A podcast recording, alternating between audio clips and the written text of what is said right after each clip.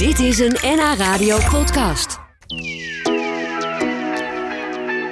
Schrijver Frank van Kolfschoten heeft een nieuw boek geschreven over de straat waar hij al sinds 1992 woont, de Amsterdamse Beethovenstraat.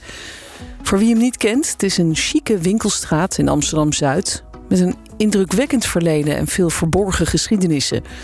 Frank raakte gefascineerd door die geschiedenis en schreef al twee boeken over de straat. Nu is dus net het derde boek uit met de titel De Beethovenstraat, een biografie.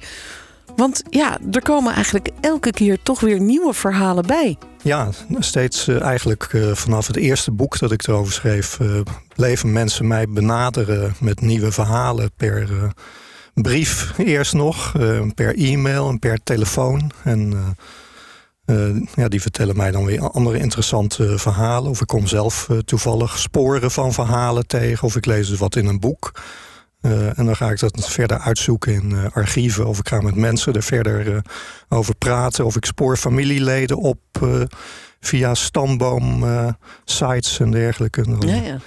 Ja. en dan reconstrueer ik de historische verhalen. Ja, ongelooflijk zoveel verhalen als er eigenlijk uit één straat kunnen komen. Het is natuurlijk ook wel een vrij lange straat, maar toch. jij woont daar sinds 1992. Wist je eigenlijk toen je daar kwam wonen een beetje over de geschiedenis van de buurt en van die straat? Uh, nee, daar wist ik eigenlijk uh, niets van. Maar uh, naarmate ik er al heel snel toen ik er woonde en in de winkels mijn boodschappen ging doen, zag ik dat er een bepaald type oudere vrouw daar in de winkels was die met een Duits accent spraken. En dat bleken Duits-Joodse vluchtelingen of kinderen daarvan te zijn, die in de buurt waren blijven wonen na de oorlog. En die hier naartoe waren gevlucht in de jaren dertig toen in Hitler-Duitsland. In Duitsland Hitler aan de macht was gekomen. en toen kwam ik er ook steeds meer achter over wat er zich nog meer had afgespeeld in die straat. En dat in een zijstraat twee belangrijke gebouwen van de nazi's hadden gezeten. eentje die betrokken was bij eh, de organisatie van de jodendeportaties eh, vanuit eh, Nederland. en toen kwam ik op het idee, omdat er zoveel oorlogsgeschiedenis in die straat had, om eigenlijk de, onze nationale oorlogsgeschiedenis te laten zien aan de hand van wat bewoners en winkeliers hadden meegemaakt uh, in de oorlog. Ja, en, en ook in de jaren daarvoor. Je, je vertelt die hele geschiedenis eigenlijk. Want in de jaren 30 voor de oorlog was die straat nog, nog net nieuw eigenlijk. Was net opgeleverd, min of meer. Ja. Uh, daar kwamen dus veel Duits-Joodse vluchtelingen naartoe. Op de vlucht voor de nazi's in, de, in Duitsland. En wat waren dat vooral voor mensen die daarheen kwamen... die, die zich echt vestigden in de Beethovenstraat? Uh, ja, dat waren alle mogelijke uh, Duitse Joden die niet meer in hun eigen land uh, konden blijven. en er zaten veel kunstenaars tussen en schrijvers, maar ook veel mensen die eigen bedrijven hadden. Bijvoorbeeld, er waren veel wat men wel noemt confectiejoden, dus die kleding. confectiebedrijven hadden in Duitsland. En dat soort mensen die. Openen die dan ook weer winkels daar in de Beethovenstraat, kledingzaken? Nee, die maakten kleding. Dus die uh, zetten hun eigen bedrijf hier opnieuw op. Die uh, maakten dan fabriekjes. Maar er waren ook uh, mensen bij die winkels hadden gehad in Duitsland. En die hier dan opnieuw begonnen met een winkel. Dus er, of die horeca openden. Dus er zat een bekende lunchroom, Delicia en een café, Café de Paris. Van een vrouw die had al in Berlijn had ze een bridge café gehad. Ah ja. Dus ze, ze, brachten heel veel mee eigenlijk. Maar ik begrijp uit jouw boek dat ze toch niet heel populair waren bij Amsterdammers. Ze hadden een beetje een slechte naam. Ja, Amsterdammers die waren bang dat die uh, Duitse Joden hun banen inpikten. Omdat uh, het nog steeds crisistijd was. En die was in 1929 uitgebroken. In de loop van de jaren 30 bleef men daar ook in Nederland heel veel last uh, van hebben. maar ze ergerden zich er ook aan dat die Duitsers hun eigen taal bleven spreken. Uh, en dat ze uh, luidruchtig praten. En dat ze te veel met hun handen ook uh, praten. En ze oh, vonden, te bewegelijk? Ja, ze waren te bewegelijk. En, Uh, dus we vonden dat ze eigenlijk zeg maar, een beetje gedijst moesten houden... en dankbaar mochten zijn dat ze überhaupt in Nederland uh, mochten zijn. Ja, je hebt ook mensen gesproken die daarover vertelden, toch? Waarom, waarom die Duitsers dan uh, zo'n slechte naam hadden. Dat, dat ze... Ja, ze ergerden zich aan dat gedrag. En ze ja. vonden ook dat ze er te patserig bij liepen. Dat ze in bontjassen liepen. er zaten ook een hoop uh, bemiddelde uh, Duitse Joden bij. En dat, ze vonden dat ze dat te veel lieten zien, dat ze veel geld hadden. En daar ergerde men zich dan aan. Uh, maar ja, eigenlijk verschilt het niet veel van de reacties die we ook vandaag de dag nog hebben op als hier vluchtelingen naartoe eh, komen, dat, uh, daar verlangen veel Nederlanders dan ook van, van dat ze maar meteen uh, de taal spreken en dat ze niet bij elkaar moeten kruipen, dat ze zich moeten aanpassen. Nee. Dat was toen eigenlijk dezelfde reactie. Ja, want, want ze, ze bleven wel een beetje bij elkaar, want ze, ze, ze zochten elkaar. In die Beethovenstraat woonden heel veel mensen die elkaar misschien al kenden of waar misschien familiebanden waren. Um, je beschrijft eigenlijk heel mooi in het boek een aantal familiegeschiedenissen hè, van de mensen die daar uh, woonden. En hoe slecht het met velen afliep in de oorlog. Want dat is misschien een iets minder belichte geschiedenis.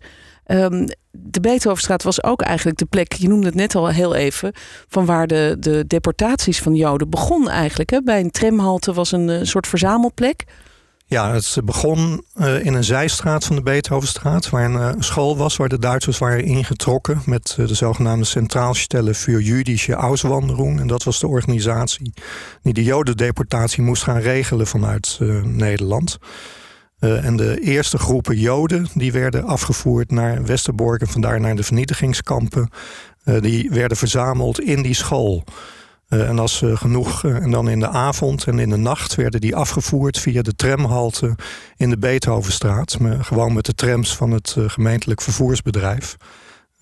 die natuurlijk niet gebruikt werden voor het personenvervoer laat in de avond en in de nacht. en in de eerste fase van de jodendeportatie zijn er wel 18.000 joden afgevoerd via die tramhalte. Dat zijn er evenveel als uh, is gebeurd via de Hollandse Schouwburg aan de plantage Middelaan, die daar eigenlijk uh, het meest bekend om staat als uh, verzamelplek. ja, daar hoor je eigenlijk vaker over, hè? over die Hollandse Schouwburg. Ja, ik denk dat dat komt omdat dat gebouw nog steeds bestaat en ook is ingericht als herdenkingsplek. En die centraalstellen in de Gerrit van der Veenstraat, zoals dat nu heet. In de oorlog heette dat Uitterpenstraat. Die is in 1944 plat gebombardeerd door de geallieerden. Maar op het moment dat de jodendeportatie al voltooid was. Dus dat ja, uh, was uh, veel te laat uh, eigenlijk. Ja, maar daar is dus niks meer van terug te zien letterlijk in de buurt. Dat is, dat is nee, misschien het dat is nu een plein wel met een gedenkplaat erop. Maar de, bij de Hollandse Schouwburg kan je echt naar binnen. En daar... ja, dat is de herdenkingsplek geworden in Amsterdam voor de jodendeportatie. Ja, het boek vertelt veel ja, bijzondere en dramatische verhalen natuurlijk van families die daar woonden, die zijn weggevoerd, vermoord. Uh, een enkeling die het overleefde.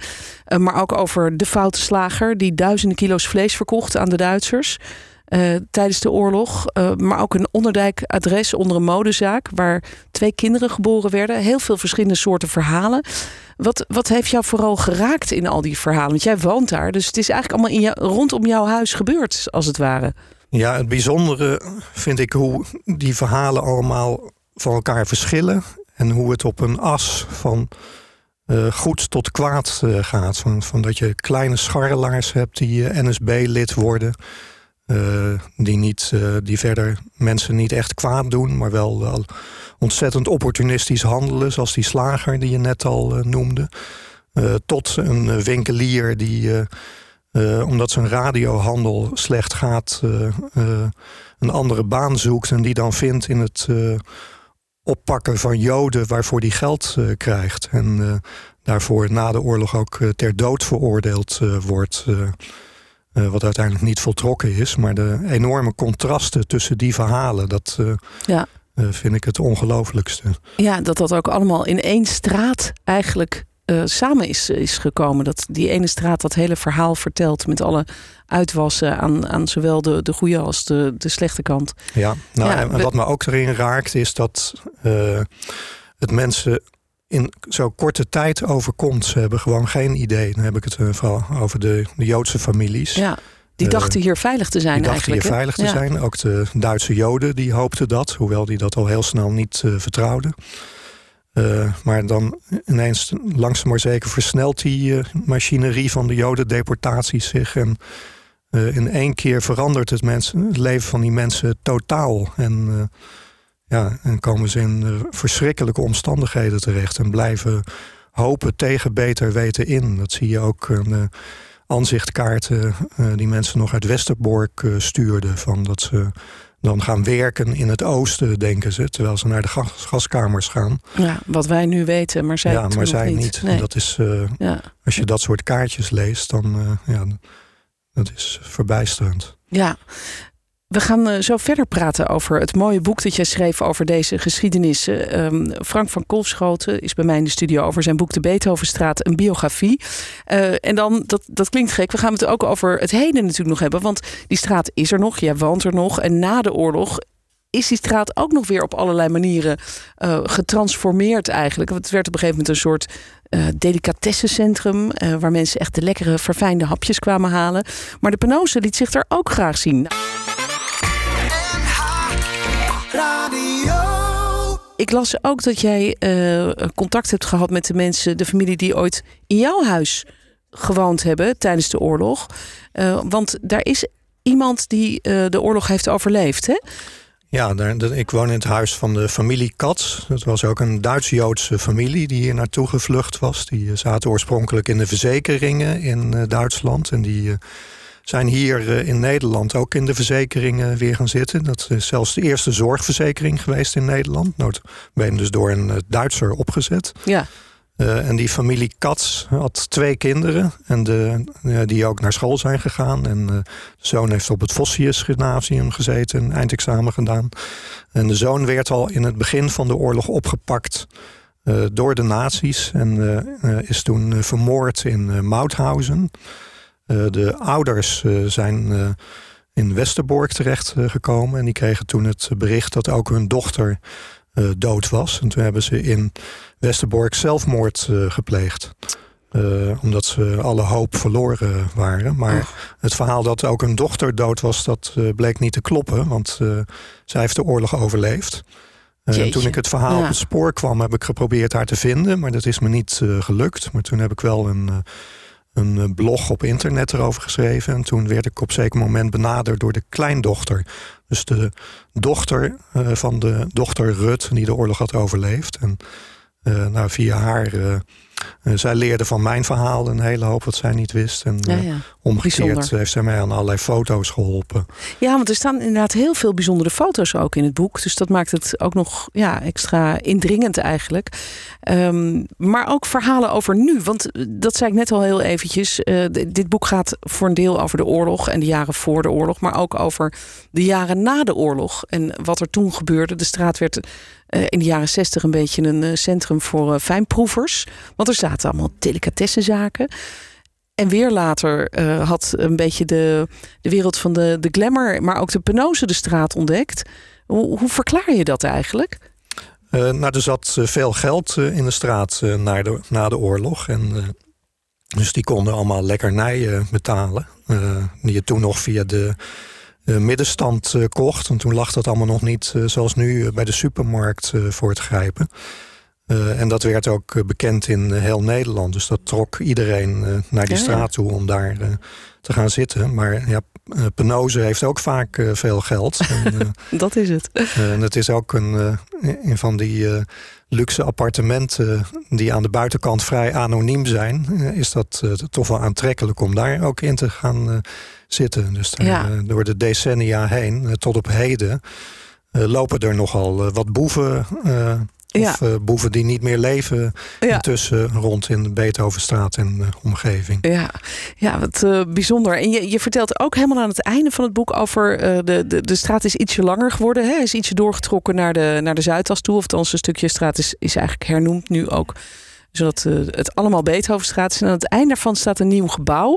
En dat zien mensen misschien wel als ze over de ring rijden. De Valley, een soort heel futuristisch soort mega flat met allemaal uitstekende woningjes. Heel bijzonder. Ja, dat is echt een schitterend gebouw wat daar is gekomen. En jij bent er al binnen geweest? Ja, ik ben er al binnen geweest. dus in de hal, dan kan je ook omhoog kijken. Er zit een glazen plafond in. waardoor je de hemel kunt zien vanuit de hal. En ik denk dat dat een hele grote toeristische trekpleister gaat worden in Amsterdam. Het is echt een van de bijzonderste gebouwen die is opgeleverd uh, na de oorlog in uh, Amsterdam. Ja, een bijzondere biografie heb je geschreven over die Beethovenstraat. Vanuit die tragische geschiedenis naar het heden toe. Dank dat je hier was, Frank. En denk je dat er nog een, een, deel, een vierde editie gaat komen? Uh, ik denk het eigenlijk wel, want ik heb alweer een verhaal gehoord. En oh, uh, daar heb ik ontzettende pest over in dat ik dat niet heb mee kunnen nemen in dit uh, boek. Dus, Goed, nou dan spreek ik je weer bij de volgende editie. Leuk. Ja, Dank dat je hier was. En het boek heet dus De Beethovenstraat, een biografie. Dit was een NH Radio podcast. Voor meer, ga naar nhradio.nl NH Radio